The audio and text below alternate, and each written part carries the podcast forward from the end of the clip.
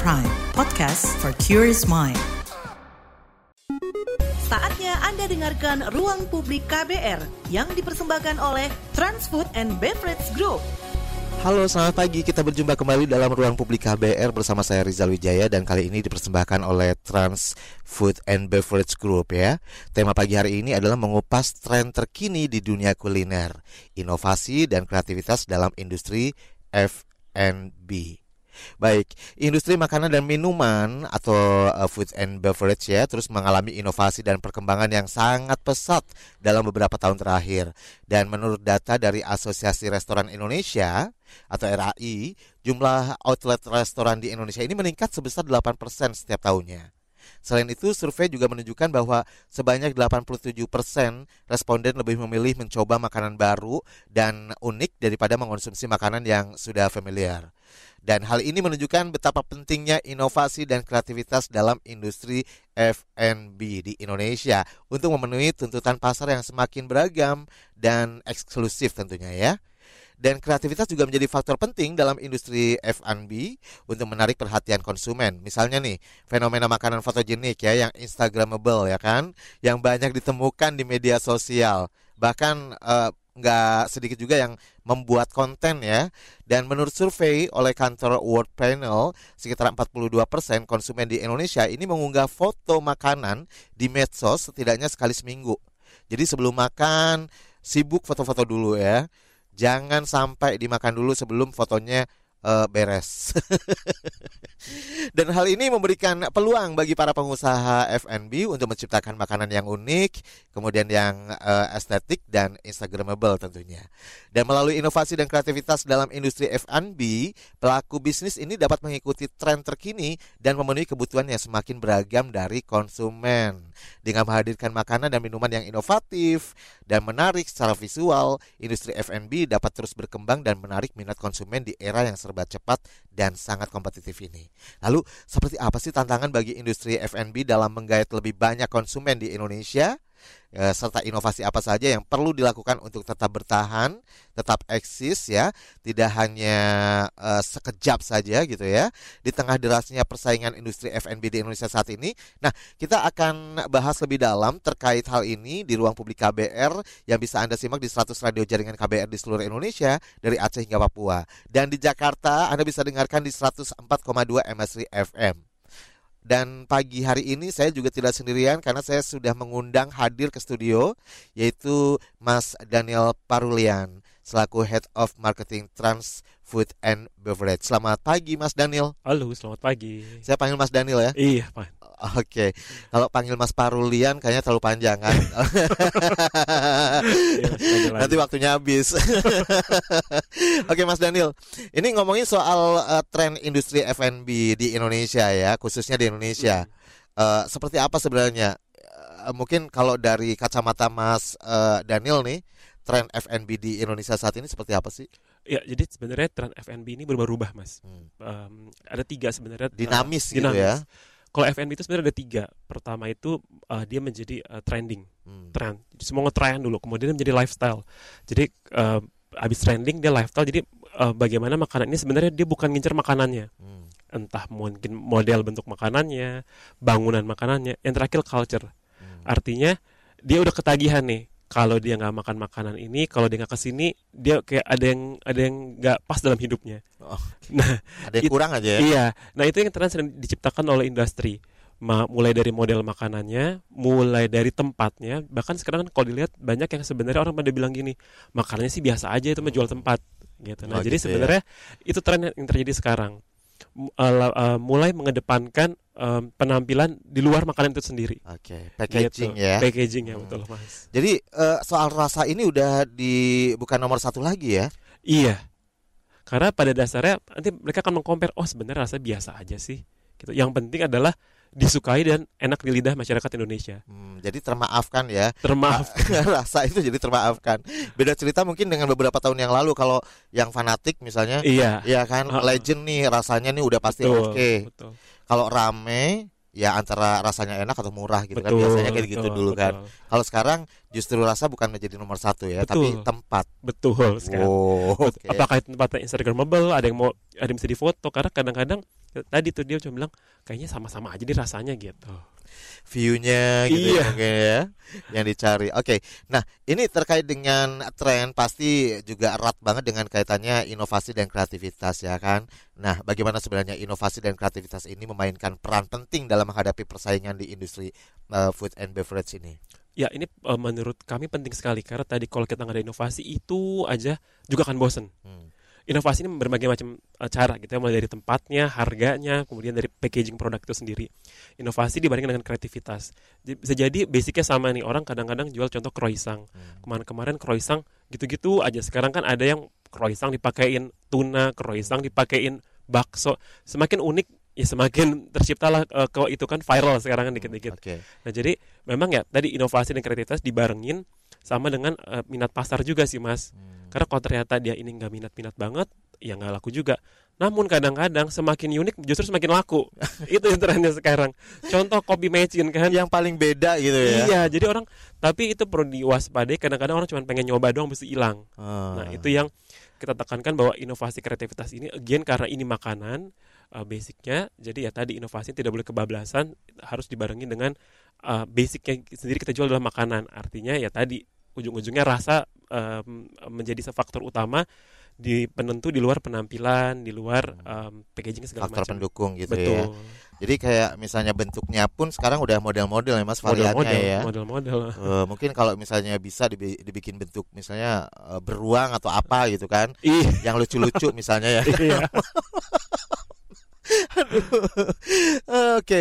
Tapi eh, ini memang terbukti ya makin banyak yang datang gitu penikmatnya gitu Hmm. makin banyak ya mas ya? Bet- terbukti itu. Ini apakah momentumnya gara-gara eh, kemarin pandemi atau seperti apa sih sebenarnya? Iya bisa jadi karena tadi oh, pas pandemi kan banyak banget oh, bertebaran usaha kuliner rumahan gitu Betul. ya artinya orang-orang eh, di rumah mencoba sesuatu yang baru ngotak-ngatik nyampur-nyampur memixing segala macam di rumah jadilah makan makanan tertentu atau mempelajari dari sudah ada. Nah itulah yang eh, terjadi. Jadi sekarang tren di F&B ini tadi eh, eh, kadang-kadang orang lihat dulu nih itu ada viral apa diikutin itu ada viral apa diikutin Hmm. gitu jadi jarang sekarang orang menciptakan tren yang ada adalah dia mengadopsi meniru serta memodifikasi dari dari apa yang udah ada Hmm, oh iya betul jadi kreativitasnya udah eh, sekarang juga beda gitu ya iya kreativitasnya kalau dulu mungkin menciptakan eh, jadi trendsetter gitu ya, Iya. menciptakan tren. Sekarang malahan jadi follower gitu kan Betul. istilahnya ya. Tapi eh, tentunya dari yang satu ke yang lain inovasinya juga beda-beda. Terbukti Betul. tadi disebutkan bahwa eh, ada apa namanya meniru, mencontoh, menambah gitu Iya. ya 3M itu ya. Oke, kemudian nih langkah-langkah apa nih yang dapat diambil oleh industri F&B untuk mengembangkan inovasi dan kreativitas dalam industri ini, Mas?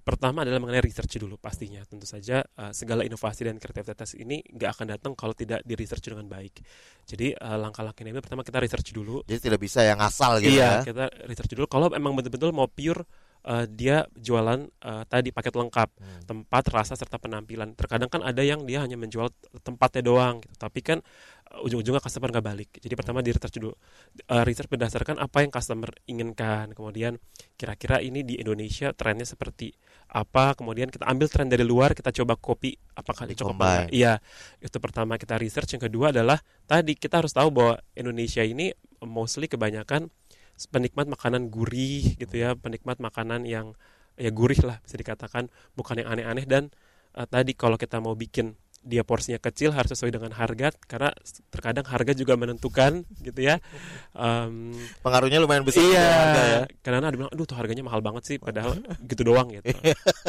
jadi tadi aw- awalnya memang betul harus di research dulu mas kira-kira apa apa apa apa yang bisa kita lakukan baru kita develop berdasarkan tadi kondisi market di Indonesia Oke. Jadi tetap ya yang namanya eh, local taste-nya juga perlu diperhatikan Perlu. seperti itu ya. perlu Bukan semata-mata misalnya western terus benar-benar diadopsi pure western iya. dan dikombinasi dengan local taste itu Uh-uh. juga nggak bakalan ini ya rame ya. mungkin ramai tapi untuk market tertentu gitu. Eh, segmented ya. Iya, jadi tidak. Kalau mau dia ya tergantung ya mas. Misalkan gini, uh, uh, F&B ini hanya ingin untuk segmen kalangan tertentu, Hmm. gitu. Nah, jadi ya dia tidak, tidak akan berharap masyarakat banyak yang datang ke tokonya. Oke, Gitu. berarti eh, langkah pertama juga mungkin yang perlu diperhatikan adalah eh, ini ya segmennya ya, target audiensnya gitu ya. Iya, Betul. Sama loh kayak penyiar gitu juga loh. Aduh. Nah, ini uh, terkait dengan era digital gitu ya. Semua orang kan tadi kan uh, sempat disebutkan setelah pandemi ini terutama ya momen pandemi ini menjadi titik balik uh, semua orang bisa memproduksi makanan sendiri hmm. kayak UMKM rumahan kan hmm. kan banyak banget ya. Betul. ya dan bisa belajar dari sosmed Betul. dari YouTube tutorialnya nggak pakai ikut training segala iya. macam ya gak sih iya. dan bisa menciptakan uh, banyak varian-varian makanan baru Betul. nah ini kan peran media sosial pengaruhnya seperti apa sih terhadap tren dan popularitas makanan serta minuman di industri F&B ini saya rasa perannya sama dengan semua industri ya. Ini benar-benar um, bisa membawa sesuatu yang baik dan buruk gitu ya. Betul. Sekarang dikit-dikit um, makanan enak, makanan bagus, cepat viralnya gitu ya. Makanan yang nggak enak pun atau ada salah sedikit juga cepat viral. Lebih viral. Iya. nah ini yang sebenarnya kita harus hati-hati gitu karena kadang-kadang cuman ada sedikit aja kesalahan tuh udah langsung mempengaruhi brand serta makanan itu. Kayak rusak semuanya. Iya. Jadi kalau untuk sesuatu yang pemula uh, yang ibarat kata UMKM atau hmm. pemula itu ini bagus banget media sosial. Kenapa? Karena ya tadi cepat viralnya, cepat tahunya. Nah, namun kalau bagi brand besar ini tadi bisa menjadi pedang bermata dua gitu. Hmm. karena bisa jadikan kompetitor untuk tadi menjatuhkan produk kita. Karena sesuatu ada yang dikit aja kecilnya oh, udah sekarang cepet banget viral ya. Bener banget. Dan itu. Kamera di mana-mana sekarang. Betul. Jadi pengaruhnya besar banget ya Mas ya. Besar banget bagi industri makanan. Satu lagi banyak menemukan tadi eh, kadang-kadang kita tahu justru oh in A dan B itu dicampur enak dari media sosial. Hmm. Kenapa? Karena tadi banyak orang nyoba di rumah, nyoba sendiri di rumah di videoin terus enak. Karena oh ternyata uh, bahan ini sama bahan ini dicampur jadi enak uh, gara-gara ini juga nih lihat-lihat di uh, media sosial. Cuma kadang-kadang memangnya yang namanya uh, apa namanya rasa itu kan relatif ya masing-masing orang ya. Ada yang suka manis, ada yang suka gurih. Betul. Beberapa bagian daerah juga mungkin uh, dominan lebih suka manis, misalnya iya. daerah Jawa Tengah, Jogja uh, gitu iya, kan. Kalau uh, ke luar Jawa lebih suka gurih. Betul. Uh, dan ini pengaruhnya seperti apa? Maksudnya apakah juga punya pengaruh besar nih soal rasa, taste, gurih, manis? Betul jadi kalau misalkan kita eh, buka tokonya di daerah Sumatera berbeda um, dengan uh, di Pulau Jawa gitu. Lagi-lagi perlu riset ya. Iya, perlu research. Namun kalau misalkan kita memang sudah menentukan saat um, ini misalkan ini jaringan besar gitu ya atau misalkan dia sudah suatu franchise pasti sama semua. Jadi uh, dia bisa mengekspektasi oh kalau di uh, pulau ini pangsa pasarnya sekian persen. Kalau di Pulau Jawa pangsa pasar saya sekian persen. Hmm. Karena kalau model franchise kan dia udah ini mas ya udah memang udah standar gitu rasanya nggak bisa diubah-ubah gitu nggak bisa kalau franchise kan. kalau misalnya Sumatera ditambah garam dikit deh iya. biar tambah gurih gitu nggak bisa ya nggak bisa Oke. Okay. Karena itu kan ada standarnya biasanya kan sudah dikirim juga dalam udah jadi dikirimnya jadi tinggal di hmm. di uh, tempat yang di ini tinggal dipanaskan atau tinggal dimasak sesuai dengan SOP. Itu kalau yang franchise mungkin kalau yang masakannya model rumahan bisa tuh. Oh, hmm. uh, misalkan uh, punya Mas Rizal sendiri Rizal uh, bakery. Nah, bakery apa bakery beda tuh mungkin bisa terjadi. Begitu ya. Jadi disesuaikan. Misalnya ya. kayak bumbu juga kan ada yang misalnya bumbunya rasanya tuh bener-bener apa kuat gitu ya. Iya strong dia. Iya strong.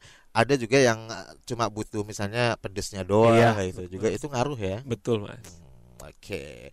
jadi rasa tetap aja jadi perhatian khusus juga ya Iya, jadi tadi faktor penentunya ada rasa, tempat, serta penampilan. Nah, tiga-tiga ini sebenarnya um, kayak lingkaran gitu. Hmm. Yang satu ada, yang dua lagi nggak ada, kurang pas. Yang satu Betul. ada, uh, dua lagi, yang dua nggak ada, satu ada juga kurang pas. Yang ada ntar dibully lagi. Iya.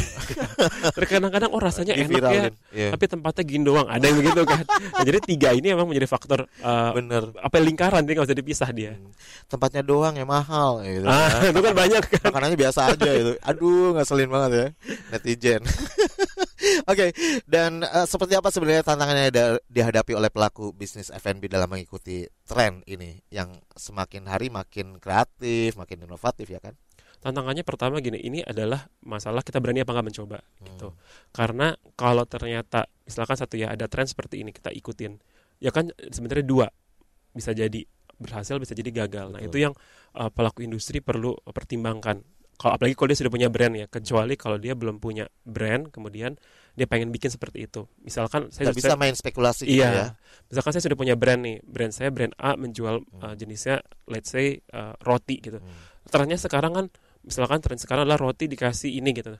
Nah kita saya mau coba apa enggak gitu kan itu tantangannya. Takutnya kalau saya coba nggak berhasil kalau saya nggak coba nggak ikut pasar. Hmm. Nah, jadi itu tantangannya sebenarnya adalah apakah kita berani apa enggak menyesuaikan dengan tren atau kita tetap pada jalur kita tidak memandang tren, yang penting kita punya sales terjaga. Idealisnya terkikis dong kalau kayak gitu ya. Iya. jadi kan ada pengusaha begini um, uh, industri makanan. Udah deh gue gak ikut tren, Hmm. tapi yang penting gue punya sales tetap aman, terus uh, makan gue tetap laku. Nah, itu juga ada kan. Hmm, oke. Ada yang pengen menambah menambah tokonya biar rame, ikutin tren nih. Oh, ada ada juga nih model beginian di toko kita gitu. Jadi masing-masing F&B beda-beda ya. Mm-mm. Oke, baik. Dan eh, kita bakal lanjutin lagi. Kita harus jeda dulu, Mas. Eh, nanti kita akan lanjutkan setelah jeda iklan. Jangan ke mana-mana, tetap di ruang publik KBR bersama Rizal Wijaya. Masih Anda dengarkan Ruang Publik KBR yang dipersembahkan oleh Transfood and Beverage Group.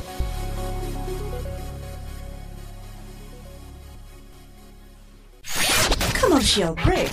Commercial break. Oke Google, cariin apa yang lagi trending sekarang dong. Yang lagi viral, yang lagi hits. Aduh kamu ini tahunya cuma nyur doang. Lah, dia nolak. Aku bilangin Siri nih. Ya sudah-sudah jangan ngambek dong. Kamu cukup buka KBR Prime titik ide, lalu cari what's trending. Semua dibahas tuntas dengan narasumber yang kredibel, jadi bisa buat referensi kamu. Wah iya nih, keren banget ya.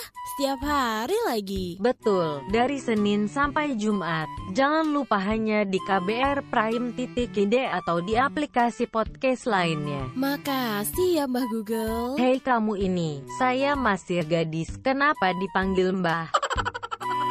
KBR Prime, podcast for curious mind. Masih Anda dengarkan Ruang Publik KBR yang dipersembahkan oleh Transfood and Beverage Group.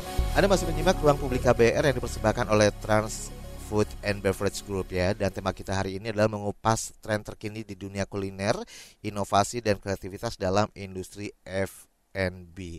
Oke, dan eh, ini ngobrolin soal eh, makanan gitu F&B ya. Ini asik banget emang. Aduh, nggak berasa waktunya juga tahu-tahu udah habis aja nanti.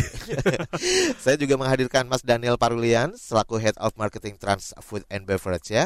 Mas, kalau kolaborasi seperti apa sih yang pernah dilakukan untuk meningkatkan kualitas dalam eh, bisnis F&B atau yang yang idealnya dilakukan oleh seorang pengusaha katakanlah Mm-mm. atau UMKM katakanlah. Pertama adalah ini uh, pasokan makanan. Hmm. Karena namanya bisnis F&B butuh bahan dasarnya makanan. Hmm. Nah itu em, kalau dari si raw materialnya itu udah nggak bagus, suppliernya nggak nggak tepat, nah hasil akhirnya juga nggak tepat. Jadi itu pertama kolaborasi pertama adalah tadi bahan bakunya. Masuk kolaborasi kedua adalah dia mencari partner. Partner ini macam-macam, partner promotion, partner kemudian media atau partner lainnya. Paling penting biasanya adalah partner promotion dalam hal pembayaran Hmm. gitu. Nah yang ketiga adalah tadi partner lokasi itu juga penting karena jangan sampai dia nih aku nggak punya lokasi nih gitu ya. Misalkan lokasinya di rumah doang sempit masuk ke rumahnya kemudian atau di dalam komplek yang banyak satpam nih jadi sehingga banyak GoFood masuk nggak boleh misal belum, ya. belum lagi banyak gundukannya. Polisi tidur. nah dia kan bisa berkolaborasi nih misalkan ada orang yang em, menyewakan lahannya atau kebalikannya. Oke deh biasanya kan lahannya tidak disewakan tapi modelnya profit sharing. Nah itu kolaborasi tadi. Yang penting adalah bahan makanan, satu lagi adalah uh, partnership untuk pembayaran. Karena kalau kita misalkan brand baru atau UMKM baru, mau nggak mau kan butuh butuh partner yang udah dikenal dengan banyak orang. Oke. Nah itulah kolaborasi. Itu salah satu strategi Iya. juga soalnya ya Betul. supaya eh, ya cepet aja pertumbuhannya. Betul betul. Jangan usaha udah buka lima tahun belum Buka lima tahun. pembelinya masih ya kan satu dua orang kan eh, lama-lama juga capek ya. Oke, dan terkait dengan strategi ini yang bisa digunakan untuk memperluas bisnis di berbagai jenis food chain ini gimana sih? Ya, jadi strateginya adalah kita kalau dalam food chain tadi mencari partner di berbagai macam kota. Karena food chain ini berhasil kalau eh, dia banyak eh, di berbagai macam kota. Kalau cuma di Jakarta doang bukan food chain kan berarti namanya. Betul. Tapi dia eh, banyak ada di Aceh, Sumatera, Medan. Nah itu bagaimana meyakinkan kalau dia sudah bergerak di dalam bidang food chain, bagaimana meyakinkan partner ketika berpartner dengan kita dia akan mendapatkan hasil yang eh, optimal dan maksimal. Gitu. Artinya kita eh, harus membuktikan dulu nih ya. Betul. Kayak KBN yang udah punya 300 Jaringan. jaringan radio di mana-mana ya kan. Ini juga tidak bukan bukan eh, cuma satu dua hari saja istilahnya Betul. kayak membalikan telapak tangan. Ini butuh effort banget ya Betul. sih? Begitu percaya masyarakat ketika kita membuka jaringan otomatis kan bisa diterima di mana-mana sih Iya, itu kira-kira betul, Mas ya. Betul. Oke, jadi strategi marketingnya juga harus jitu nih. Iya. Oke, dan bagaimana nih eh, tips? Mungkin ada beberapa tips yang boleh dibagikan nih kepada pendengar kita mengelola dan menjaga kualitas produk dari eh, food and beverage yang kita jual. Karena kan tadi seperti disebutkan eh, rasa tetap penting, ya kan, bahan dasarnya juga tetap penting, end to end semuanya ya, Mas Betul. ya. Ini seperti Betul. apa? Jadi yang paling penting adalah tempat penyimpanannya mas, storage-nya di mana. Oh, Karena namanya oke. bahan baku itu uh, ada modelnya dua gini. Kalau dia uh, restorannya memang menyajikan setiap hari, uh, contoh seperti masakan yang modelannya pesen dimasak gitu. Nah itu. Iya, dia kan perlu bahan baku. Gitu. Nah, bahan baku ini terkadang dia bisa prediksi nih, oh eh, saya simpan lima hari aman, saya simpan tiga hari aman. Nah, kemudian bagaimana dengan tempat penyimpanannya? Apakah terkadang ada bahan baku eh, disimpan harus dengan suhu tertentu? Ah, nah, itu benar. yang harus diperhatikan. Gitu. Jadi- kalau tadi misalkan eh, ditanya menjaga kualitas bahan baku, ya kita perhatikan dulu tempat penyimpanannya. Hmm. Apakah si freezernya itu tepat, kemudian apakah tadi jaringan kadang-kadang freezer ini bagus gitu tapi listriknya naik turun nah itu kan juga berpengaruh juga ya. Gitu. Jadi jangan mentang-mentang misalnya bahan bakunya udah bagus kok kuali- kualitasnya tadi cara penyimpanannya asal-asalan juga itu bakal mempengaruhi iya ya. betul kecuali kalau memang si tempat industri ini bahan bakunya modelannya adalah di- dia tidak menyimpan jadi dikirim Hmm. hari itu hari itu habis dikirim hari itu- nah itu tapi kan beberapa uh, resto pasti ada menyimpan bahan baku nggak mungkin dia uh, kirim habis kirim habis Hmm. jarang gitu kejadian mungkin ada tapi jarang Oke. Ya syukur-syukur sih bisa la- laku habis terus Iya. setiap hari ya nggak sih? tapi, tapi kan mesti gantian juga sama yang Iya. lain lah. berbagi rezeki ya Berbagi rezeki biar lebih berkah.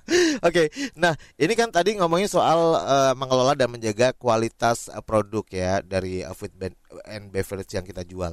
Lalu langkah-langkah apa nih yang perlu dilakukan untuk menjaga konsistensi dan standar pelayanan yang tinggi di bisnis food and beverage. Jadi bukan hanya misalnya baru buka setahun eh udah tutup ya Iya, kan. benar, banyak betul. loh ya kayak Banyak, gitu ya. banyak. Banyak banget ya. Betul. Jadi mau nggak mau ada yang dinamakan dengan SOP. Nah mungkin itu mau usaha kecil besar eh, menurut saya penting itu SOP. Eh, even UMKM rumahan gitu. Iya karena tadi kan eh, biar dia konsisten. Misalkan buka jam berapa itu pertama. Terkadang UKM rumahan, oh hari ini lagi rame-ramenya eh, biasa buka jam 9 besok 9.30 deh kenapa? Pusing nih yang punya gitu kan. Yang punya lagi sakit. Nah itu kan juga mempengaruhi gitu Bener. ya. Kemudian, nah itu yang kedua adalah SOP penggorengan. Mis- misalkan ya dia harus menggoreng tiga menit gitu. Ya dia, dia terapkanlah waktu tiga menit. Jangan berdasarkan feeling. Ini kayak udah kuning dia diangkat. Nah gitu gitulah yang Hemat tidak- minyak gitu. iya gitu gitu yang tidak konsisten sehingga menimbulkan eh, tadi customer bilang kemarin gue makan enak kok sekarang nggak enak ya.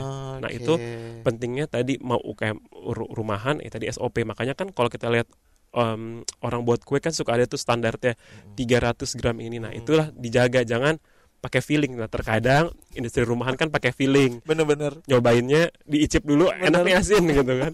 Nanti piring kedua beda lagi. Asin versi dia. iya makanya suka ada istilah oh ya itu kan beda tangan beda rasa. Ah. Nah, sebenarnya enggak kalau memang sudah diterapkan SOP yang baik gitu Jadi kalau beda tangan beda rasa itu sebenarnya mitos doang ya. mitos sebenarnya Oh. kalau dia memang sudah ada kayak petunjuknya misalkan masak A ini tiga ini tiga sendok ini empat sendok nah harusnya sama, sama. Mau siapa pun yang masak Iya. gitu ya. Karena emang SOP-nya seperti itu. Jadi eh, jangan mentang-mentang misalnya usaha kecil gitu ya, Iya. terus nggak ada SOP-nya ya, bukan seperti Betul. itu ya. banyak saya temukan eh, beberapa case kayak begitu apalagi waktu lebaran Hmm. ini usaha eh, UMKM karena tadi oh yang jaga nggak ada jadi tutup jam 6 besok buka lagi jam sekian nah, Hmm. Itu kan yang membuat eh, customer kayak experience oh ini tokonya tutup ya nggak nah Hmm. kayak gitu-gitu Jadi eh, perlu jangka panjang juga sustain gitu ya, Iya. eh, supaya bisa bertahan lama dan tetap eksis. Kira-kira seperti Iya. itu. Butuh eh, standar pelayanan yang tinggi. Oke. Dan eh, memang ya kalau berdasarkan yang saya lihat nih ya, kalau dari beberapa di daerah nih ya, ada yang mungkin nggak tahu ya, mungkin masyarakatnya udah bosen atau apa gitu ya. Ada nggak sih faktor-faktor lain selain misalnya kayak tadi standar dan juga eh, apa namanya standar pelayanan gitu ya? Ada nggak faktor lain yang mungkin mempengaruhi itu, mengaruhi si mempengaruhi konsistensi tadi mm, menurut aku ya tadi itu doang sih hanya standar pelayanan itu doang? Iya, karena kalau misalkan di daerah itu terkadang ya tadi justru kadang-kadang orang daerah merasa hari ini laku besok udah deh gue buka Ah. jam satu Iya. mental-mental kayak gitu mungkin harus Iya. Bener banyak yang kayak gitu ya. Iya, udah deh hari ini gue laku, besok buka jam satu siang. Merasa kadang-kadang kalau dia udah mulai laku berprinsip bahwa waduh customer udah nyari gue nih capek gitu kadang-kadang. Gue udah capek goreng deh. Padahal Udah sok-sokan ya. iya, nanti tinggal tinggal customer baru dia nangis nyari lagi. Hmm, Oke oke oke oke. Maksudnya itu bukan hanya menjadi pemilik usaha tapi kadang-kadang beberapa karyawan yang eh, mental yang masih seperti itu pun bekerja di eh, apa sebuah resto yang udah di Jakarta pun itu bisa terjadi kadang-kadang. Lu capek capek nih nyuci piring gini-gini eh, lagi keramaian nih gitu. Rame ngeluh nggak rame juga ngeluh kan. Nah, nah itu yang terjadi. Ngeluh mulu tapi nggak resign-resign. Masih mau nerima gajinya kan?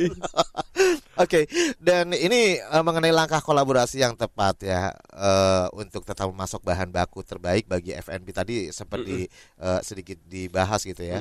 Ini khususnya dengan distributor nih, seperti apa nih dari hulu ke hilirnya? ya biasanya adalah kita cari dulu distributornya kemudian eh, kita em, kontrak dalam bukan kontrak jangka panjang gitu artinya kita punya komitmen eh, sama dia nah eh, diikat dengan komitmen itu ya dia sustain tapi yang kedua adalah jangan cuma satu seperti biasa nih namanya pemasok nggak cuma satu kalau dia, dia misalkan tiba-tiba kenapa kenapa kita punya backupnya Tapi dengan kualitas yang sama ya. Betul. Um, biasanya sih dia akan refer, uh, reference juga kok. Kalau distributor ini uh, bijak dan baik usahanya, dia akan mereferensikan. Ini loh Pak backup cadangan saya PTA kalau saya lagi nggak bisa. Atau kita pakai dua-duanya. Misalkan kita butuh 1000 daging seh- sehari. Gope dari PTA, 500 dari PTB dengan uh, kualitas yang sama. Hmm, Jadi gitu. kalau misalkan yang satu kenapa kenapa ada backupnya gitu. Yang satu pun kita harus punya dua. Kalau satu kalau gitu kan agak susah. Just in case ya. Iya ketergantungan. Jadi apa eh, misalnya bisa nggak kayak misalnya ini kan udah udah kontrak nih sama A gitu Hmm. ya tiba-tiba muncullah B ini lebih murah harganya Iya. lebih jauh dengan kualitas yang sama Nah. terus tiba-tiba kita berubah ya gitu ganti pindah ya gitu Eh, bisa terjadi sih. bisa terjadi Eh, bisa terjadi. Cuman lagi-lagi biasanya industri makanan tuh sempit gitu ya. Jadi maksud saya eh, kalau saya pribadi pun hal seperti itu kalau cuma beda-beda tipis kita harus perhatikan eh, efek jangka panjangnya gitu. Karena tadi eh, jangan sampai pindah sebentar yang beda bermasalah kita bingung nih mau A lagi ditolak Benar. gitu. benar benar benar. Dan yang kedua yang paling penting adalah kita kan sama-sama berusaha nih. Hmm. Gitu dia sudah kirim barang.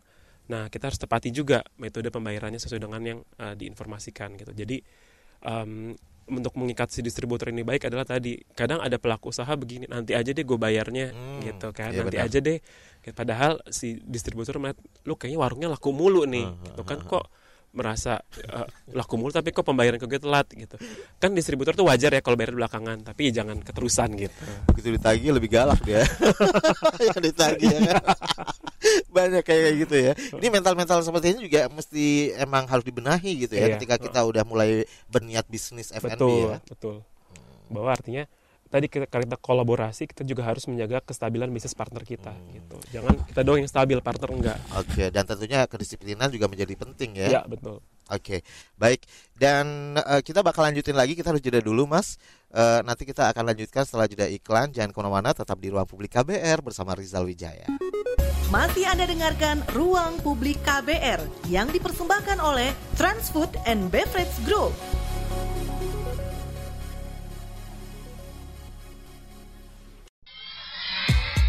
Yuk follow social media KBR. Twitter at Berita KBR, Instagram at KBR.id, Youtube Berita KBR. Masih Anda dengarkan Ruang Publik KBR yang dipersembahkan oleh Transfood and Beverage Group. Masih Anda dengarkan ruang publik KBR yang dipersembahkan oleh Trans Food and Beverage Group ya. Tema pagi hari ini adalah mengupas tren terkini di dunia kuliner, inovasi dan kreativitas dalam industri food and beverage. Baik, dan uh, saya Rizal Wijaya juga masih bersama Mas Daniel Parulian ya selaku Head of Marketing Trans Food and Beverage.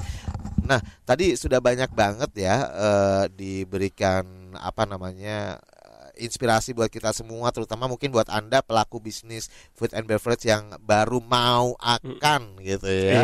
Ini pedoman-pedomannya banyak banget yang mesti kita ikuti yang tadi sudah dijelaskan oleh Mas Daniel. Mungkin eh, sekarang kita akan eh, sedikit mengupas soal Trans Food and Beverage Group ini, Mas. Iya. Bisa diceritakan nih mungkin awalnya ya tentang terbentuknya eh, Trans F&B Group ini. Sejarah singkatnya seperti Iya. apa sih? Kalau orang menyebut trans itu kan identiknya ya Trans sama TV Iya, misalnya iya, ya kan, betul. media, Iya. Jadi memang eh, atau mall. mall. Jadi memang Trans F&B ini merupakan grup makanan eh, yang dimiliki oleh eh, CT Corpora atau Hairul Tanjung Corporation. Betul, jadi Trans F&B ini eh, saudara-saudaranya adalah Trans TV, eh, Transmart, kemudian adalah Trans Studio Mall. Jadi em, salah satu eh, retail bisnis yang dimiliki oleh chairman kami adalah Trans Food and Beverage. Jadi eh, setelah dia punya mall, dia punya TV, dia punya fashion, Metro dan eh, Trans Fashion, satu lagi dia ingin memiliki grup eh, di bidang F&B. Nah, terbentuklah Trans F&B. Hmm, itu yang melatar belakangnya Iya, ya. ah, karena dia pengen retailnya komplit. Oke. Semuanya eh, dapat gitu ya. Iya. Oke, nah ini eh, kalau tadi sudah diceritakan latar belakangnya, terbentuknya mulai kapan sih sebenarnya? Mulai ada food and beverage trans- kurang lebih tahun 96 Oh. awal sekali tapi eh, dia eh, berawal dari satu brand satu brand satu brand dulu namanya bukan Trans F&B masih eh, namanya adalah Para Group kemudian eh, berkembang berkembang berkembang baru mungkin tahun 2009 komplit lah namanya jadi Trans F&B Hmm, karena dulu masih dari satu, satu brand eh, masih satu dua brand kemudian baru komplit tahun 2009 Pertama banget tahun 96 atau 2009 ya. iya 2000 2009 itu di Jakarta. di Jakarta Jakarta. Jakarta Oke, satu atau berapa tempat? itu masih satu di Duren 3 Oh. Ah, masih sekarang jadi kantor pusat kan Oh, kantor pusat ya. Iya. Terus sekarang udah berapa, Mas? Sekarang kurang lebih ada 230 outlet dari Oh. eh, tujuh brand yang kami kelola. Berarti hitungannya berapa tahun ya? 2009 ya tadi? Iya, kurang lebih 10 hampir ya 15 tahun lah ya. Wow. Luar biasa. ya mudah-mudahan sih nanti pendengar ya di antara sekarang yang lagi mendengarkan Iya. ya suatu saat bisa mengikuti jejak eh, trans juga F&B ya kan Iya. dari kecil-kecilan tiba-tiba punya banyak jaringan. Betul. Brand apa saja nih eh, brand F&B yang masuk dalam grup trans F&B group ini? Iya, jadi eh, kita kebetulan kebanyakan brand eh, yang kita ambil eh, franchise dari luar negeri. Contoh ada kok The Coffee Bean and Tea Leaf, Oh. mungkin sering ngopi The Coffee Bean and Tea Leaf, kemudian Wendy's, eh, Baskin Robin Indonesia Ice Cream. Oh. Nah, ini tiga yang memang eh, ada di eh, berbagai macam kota besar. Siapa sih yang kenal dengan Iya. Baskin Robin ya kan? Nah. dikasih gratis juga mau banget. Ada empat brand lagi yang memang kita kelola tapi hanya di uh, mallnya Trans uh, uh, Studio Mall.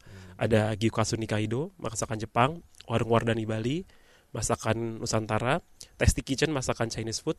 Satu lagi adalah Kopi Rindu. Itu hanya ada di uh, Transmart uh, Duku Kupang Surabaya. Kopi Rindu. Kopi Rindu. Oh jadi ada eh, F&B yang memang khusus di satu tempat gitu, satu wilayah gitu ya? Iya, dia outletnya cuma satu di uh, Transmart Duku Kupang Surabaya. Kenapa tuh Mas? Ada yang spesial atau ada yang membedakan? Apa sih? Kenapa harus di Surabaya doang gitu loh? Nah, jadi justru itu yang membedakan kalau orang Kan orang Surabaya juga banyak yang hidup di Jakarta. Iya.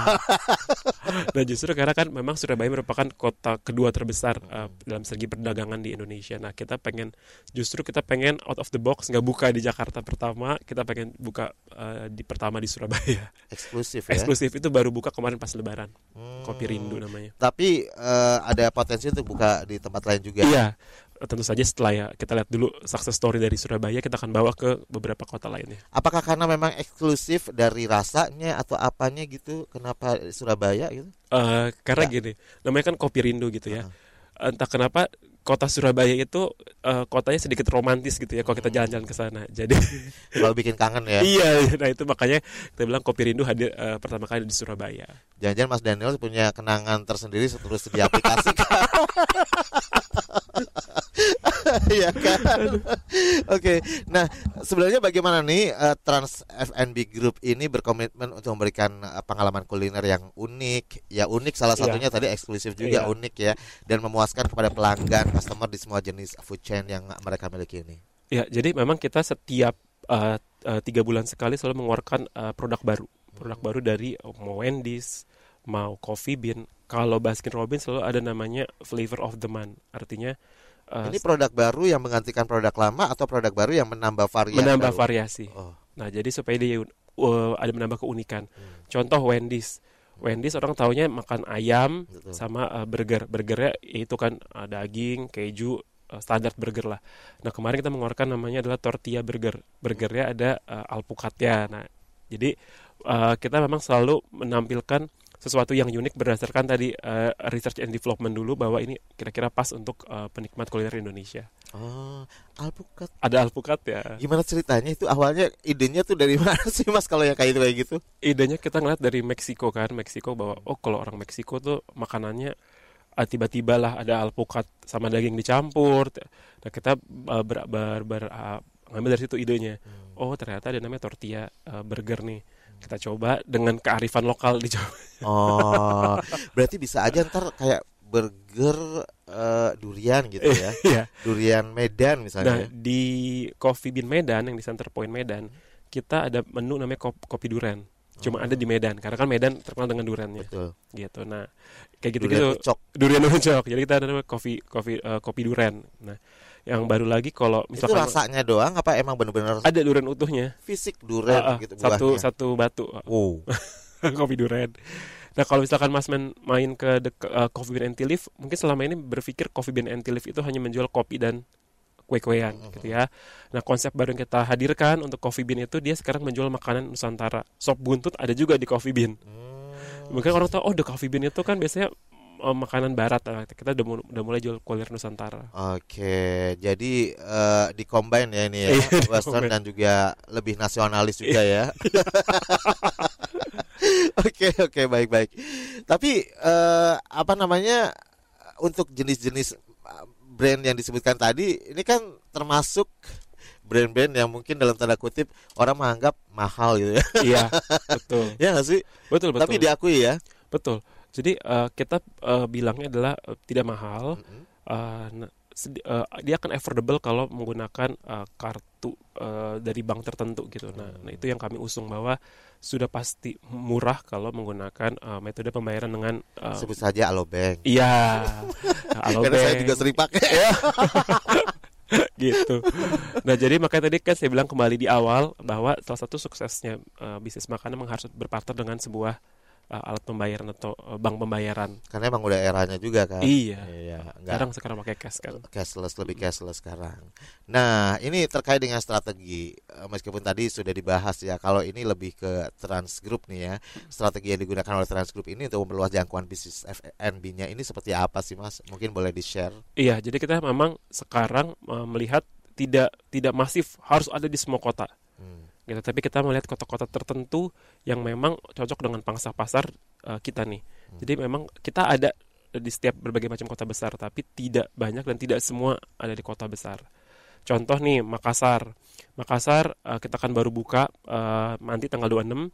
Kita oh, Makassar belum ada nih. eh, kita aw- awalnya udah ada Oh, kita renovasi eh, konsep baru yang tiga brand ini plus kita bawa brand baru si Gyukatsu Nikaido kenapa? Karena kita melihat di Makassar nih orang kebanyakan makan daging. Hmm. dengan contoh Makassar Palu. Nah di grup eh, di eh, Gyukatsu ini dia yang terkenal adalah si Wagyu eh, Katsu set daging juga. Nah itu yang makanya tadi kita bilang oh researchnya kayak cocok nih di Makassar kita bawa itu ke Makassar. Gitu. Nggak kita bawa ke Medan nggak kita bawa ke eh, berbagai macam kota lain tapi kita lihat bahwa ini kayak cocoknya di Makassar. Gitu. Jadi tidak eh, latah masif ke seluruh kota tapi kita lihat-lihat sesuai dengan eh, market kita gitu Jadi eh, latar belakangnya salah satunya adalah disesuaikan dengan kearifan lokal juga ya. iya. Hmm, gitu oke. makanya ada sop buntut di di The Coffee Bean eh, Makassar itu jadi menu andalan tadi kita lihat bahwa orang Makassarnya basicnya makan daging semua makanan lokalnya kan coto eh, palu basah itu kan semua Betul. basicnya daging gitu ya gitu nah itu yang kita lihat oh berarti potensi makanan berjenis daging di situ eh, besar nih gitu Kalau di Jakarta kearifan lokalnya berarti apa ya, Mas? sebenarnya kalau di Jakarta kan semua Lebih dimakan ya kan? Iya. Lebih heterogen ya, nggak ada ya. nggak ada makanya eh, semua brand kita ada kemudian semua jenis makanan ada tadi mau ngopi di, di The Coffee Bean yang di Plaza Indonesia pun ada sop buntut karena tadi orang Jakarta kan eh, ya makan segalanya kan jadi Betul. ketika dia ke Bukan makan segalanya dalam ini ya. iya iya maksudnya tidak memilih-milih makanan Iya. karena berbagai jenis makanan yang ada di sini gitu semua bisa didapatkan dengan Betul. mudah kalau di Jakarta ini. Beda dengan teman-teman kita mungkin di daerah Ya, ya kan yang betul. butuh akses lah apa segala Ya. macam. Betul. Nah, kalau eh, tadi di Surabaya udah eksklusif ya kan di Iya. Makassar, di Medan ada kopi Iya, duren. eh. Terus di mana lagi nih Mas yang mungkin eh, lebih mungkin unik lagi yang perlu di-share ke masyarakat juga nih? Nantinya kita akan Bisa buat jadi ide juga. Iya. Nantinya kita akan membuat eh, minuman khusus di Makassar. Karena di Makassar itu ada ada minuman yang terbuat dari mungkin kalau di Jakarta namanya wedang ronde, cuma di sana lebih eh, lebih kuat lagi strong si gingernya. Kita mau coba eh, kopi eh, berbahan dasar itu gitu. Nah, satu lagi nanti kita mau coba Kopi jahe gitu ya. eh, semacam kopi jahe, eh, cuman ada ada cinnamonnya. Satu lagi kita mau coba kopi dengan eh, di atasnya adalah kalau bisa kan orang pakai whipped cream. Heeh. Nah, nanti kita coba dari santan. Jadi dia akan ada asin manis gitu. Oh gitu. Aduh seru banget. Belum nyobain aja udah bisa ngebayang. Kalau di Jogja itu kan ada kopi tahu ya Mas ya? Kopi jos, kopi, Kopi jos, arang ya kan eh. yang begitu di ini taruh arang Iya. jos bunyinya gitu ya gara-gara itu doang terus nambahin kopi jos. Kalau di Jogja ada nggak Mas? Di Jogja Apakah kopi gudeg gitu? oh. Karena di Jogja tadi eh, eh, banyak sekali makanan-makanan kreatif kita eh, tidak terlalu eh, macam-macamin karena tadi eh, eh, UMKM lokalnya sudah banyak sekali. Jadi kita justru ya udah deh kita mengedepankan international brand kita nih. Ada Wendy's Oke. ada The Coffee Bean ada Baskin tapi tidak kita aneh-anehin gitu Siap. karena Jogja memang sudah banyak sudah banget mewakili sama angkringan-angkringan Iya, yang betul. ada ya kan. Ah, Mereka betul. juga hebat-hebat banget Betul. UMKM UMKM yang luar biasa yang patut kita Betul. dukung ya nggak sih Mas. Oke, dan kita tahan lagi, kita harus jeda lagi. Nanti ruang publik KBR masih dilanjutkan ya, jangan ke mana-mana. Masih Anda dengarkan Ruang Publik KBR yang dipersembahkan oleh Transfood and Beverage Group.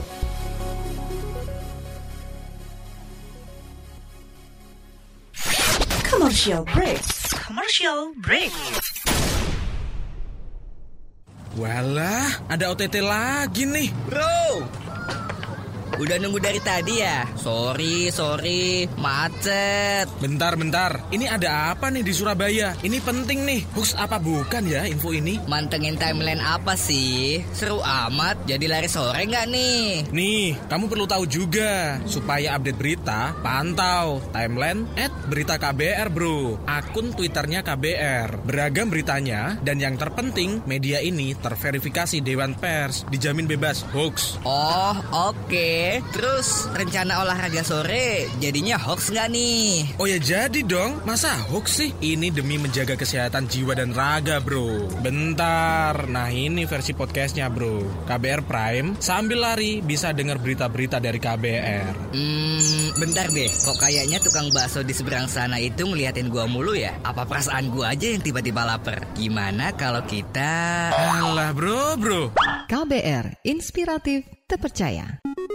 Masih Anda dengarkan Ruang Publik KBR yang dipersembahkan oleh Transfood and Beverage Group. Yap, sampai juga kita di bagian akhir ruang publik KBR yang dipersembahkan oleh Trans FNB Group dalam tema pagi hari ini mengupas tren terkini di dunia kuliner, inovasi dan kreativitas dalam industri F&B. Mas Daniel, ini menarik banget ya sebenarnya kalau ngomongin soal uh, food and beverage ini juga bisa diadopsi juga oleh masyarakat sekitar gitu ya. Artinya banyak ide-ide atau inovasi-inovasi yang mungkin bisa ditambahin, ditiru. Seperti itu kan ya Mas ya? Iya betul. oleh teman-teman UMKM Betul. misalnya coba-coba di rumah sambil ngeliat di YouTube apa segala Iya. macam itu bisa ya Mas ya. Nah, sebenarnya kalau mengenai tadi salah satu yang dibahas di depan adalah sedikit disinggung yaitu rantai pasokan dan distribusi gitu ya Mas ya. Iya. Nah, eh, bagaimana di Trans Group mengelola rantai pasokan dan distribusi produk F&B mereka. Ini kan sudah jalan dari berapa tahun, Iya. puluhan tahun Hmm. yang lalu gitu ya. Pasti udah expert banget Iya. dong. Ini seperti apa? Jadi memang kita sudah punya distributor. Distributor ini ya tadi eh, eh, apa? Dia bisa mendistrikan mendis- em, apa? Memberikan si eh, bahan dasar ini ke seluruh toko-toko kita. Dan itu ya memang udah karena udah bertahun-tahun jadi memang sudah eh, udah repeat lah udah biasa gitu ya. Oke. Ada satu terpercaya gitu. Iya, nah ada satu bahan yang memang eh, kita ambil dari namanya Central Kitchen, kita distribusikan ke seluruh eh, jaringan yang ada, gitu. Oke.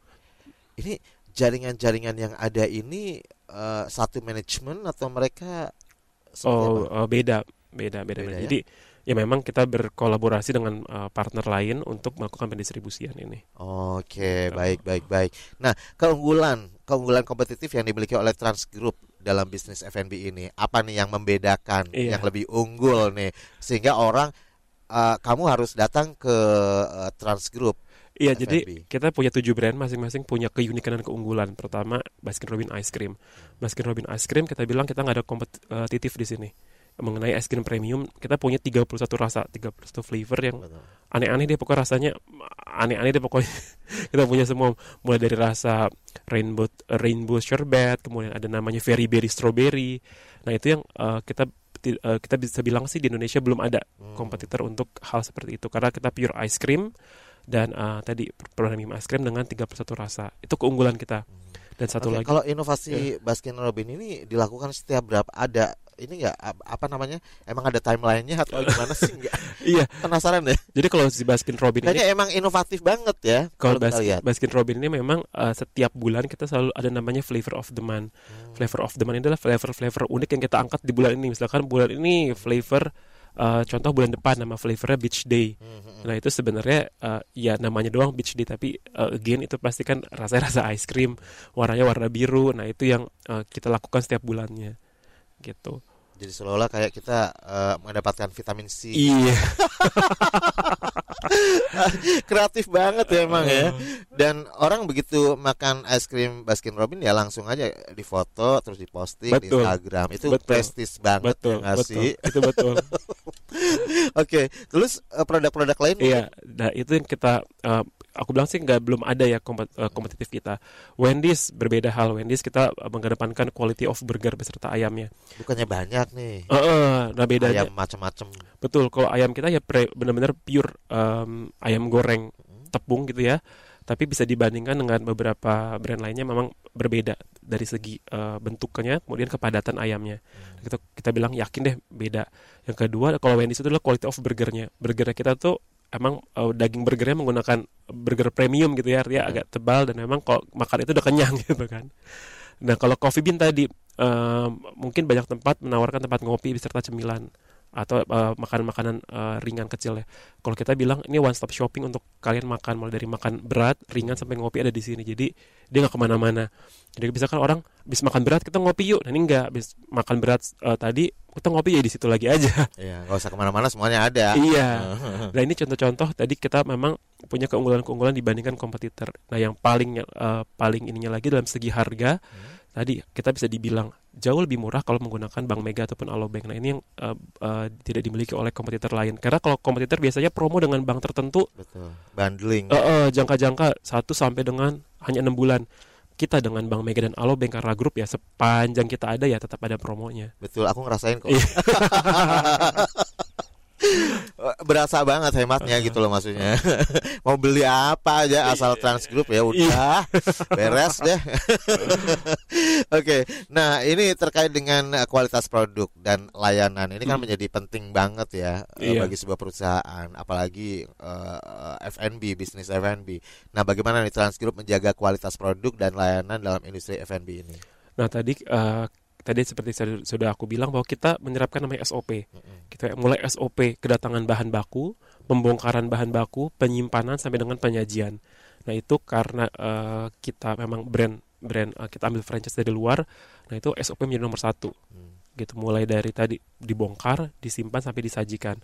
Nah em, ketika penyajiannya pun memasaknya pun tadi kita setting timer. Nah itu yang memang tadi eh, kita benar-benar menerapkan SOP ini sampai nantinya biasanya kita suka ada yang ini random checking beberapa uh, minggu sekali untuk memastikan apakah benar ini semuanya sesuai SOP kemudian bagaimana hasil akhirnya. Oke. Jadi begitu keluar dari SOP dikit aja udah deh. Iya. Itu eh, apa namanya? Petugasnya langsung kena punishment ya, Iya. SP gitu. Kayak di kantor gitu gak sih? Pasti ya. Ketat dong yang namanya SOP. Oke, dan eh, ini mengenai pandangan Transgroup nih, Mas, mengenai tren dan inovasi terbaru dalam bisnis F&B yang saat ini benar-benar dinamis banget ya, super dinamis kalau Mm. boleh dibilang. Ini seperti apa? Oke, jadi memang betul eh, kita ya harus pertama em, kalau itu trennya cocok kita ikutin trennya.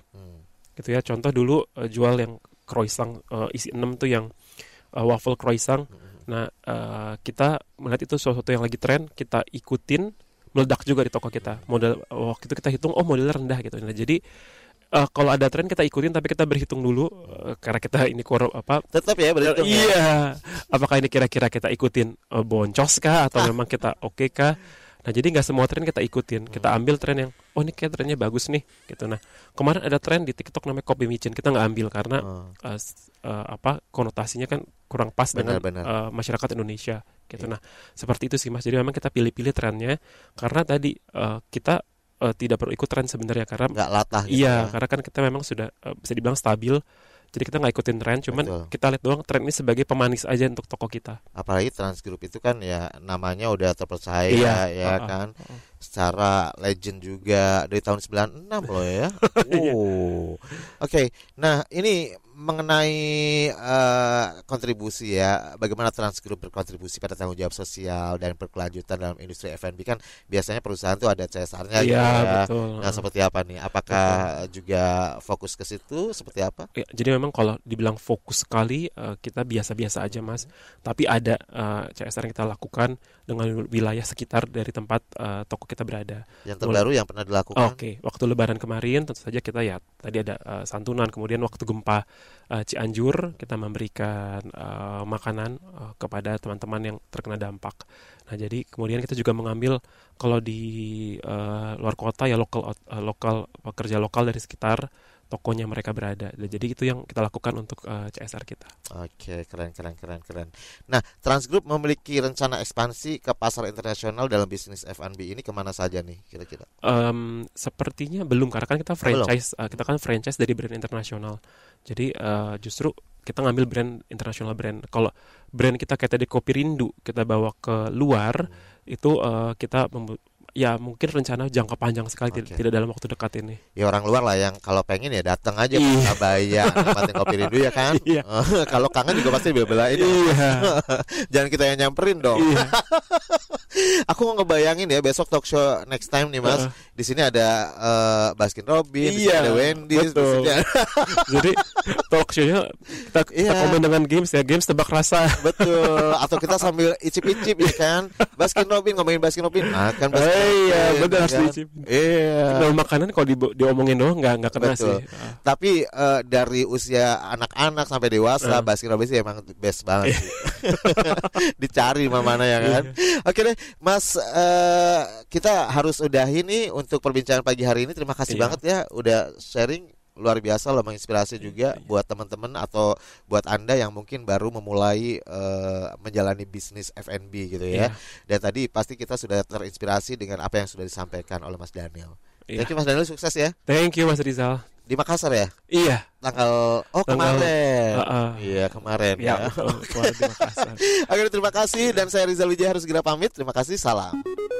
Baru saja Anda dengarkan Ruang Publik KBR yang dipersembahkan oleh Transfood and Beverage Group. KBR Prime, cara asik mendengar berita. KBR Prime, podcast for curious mind.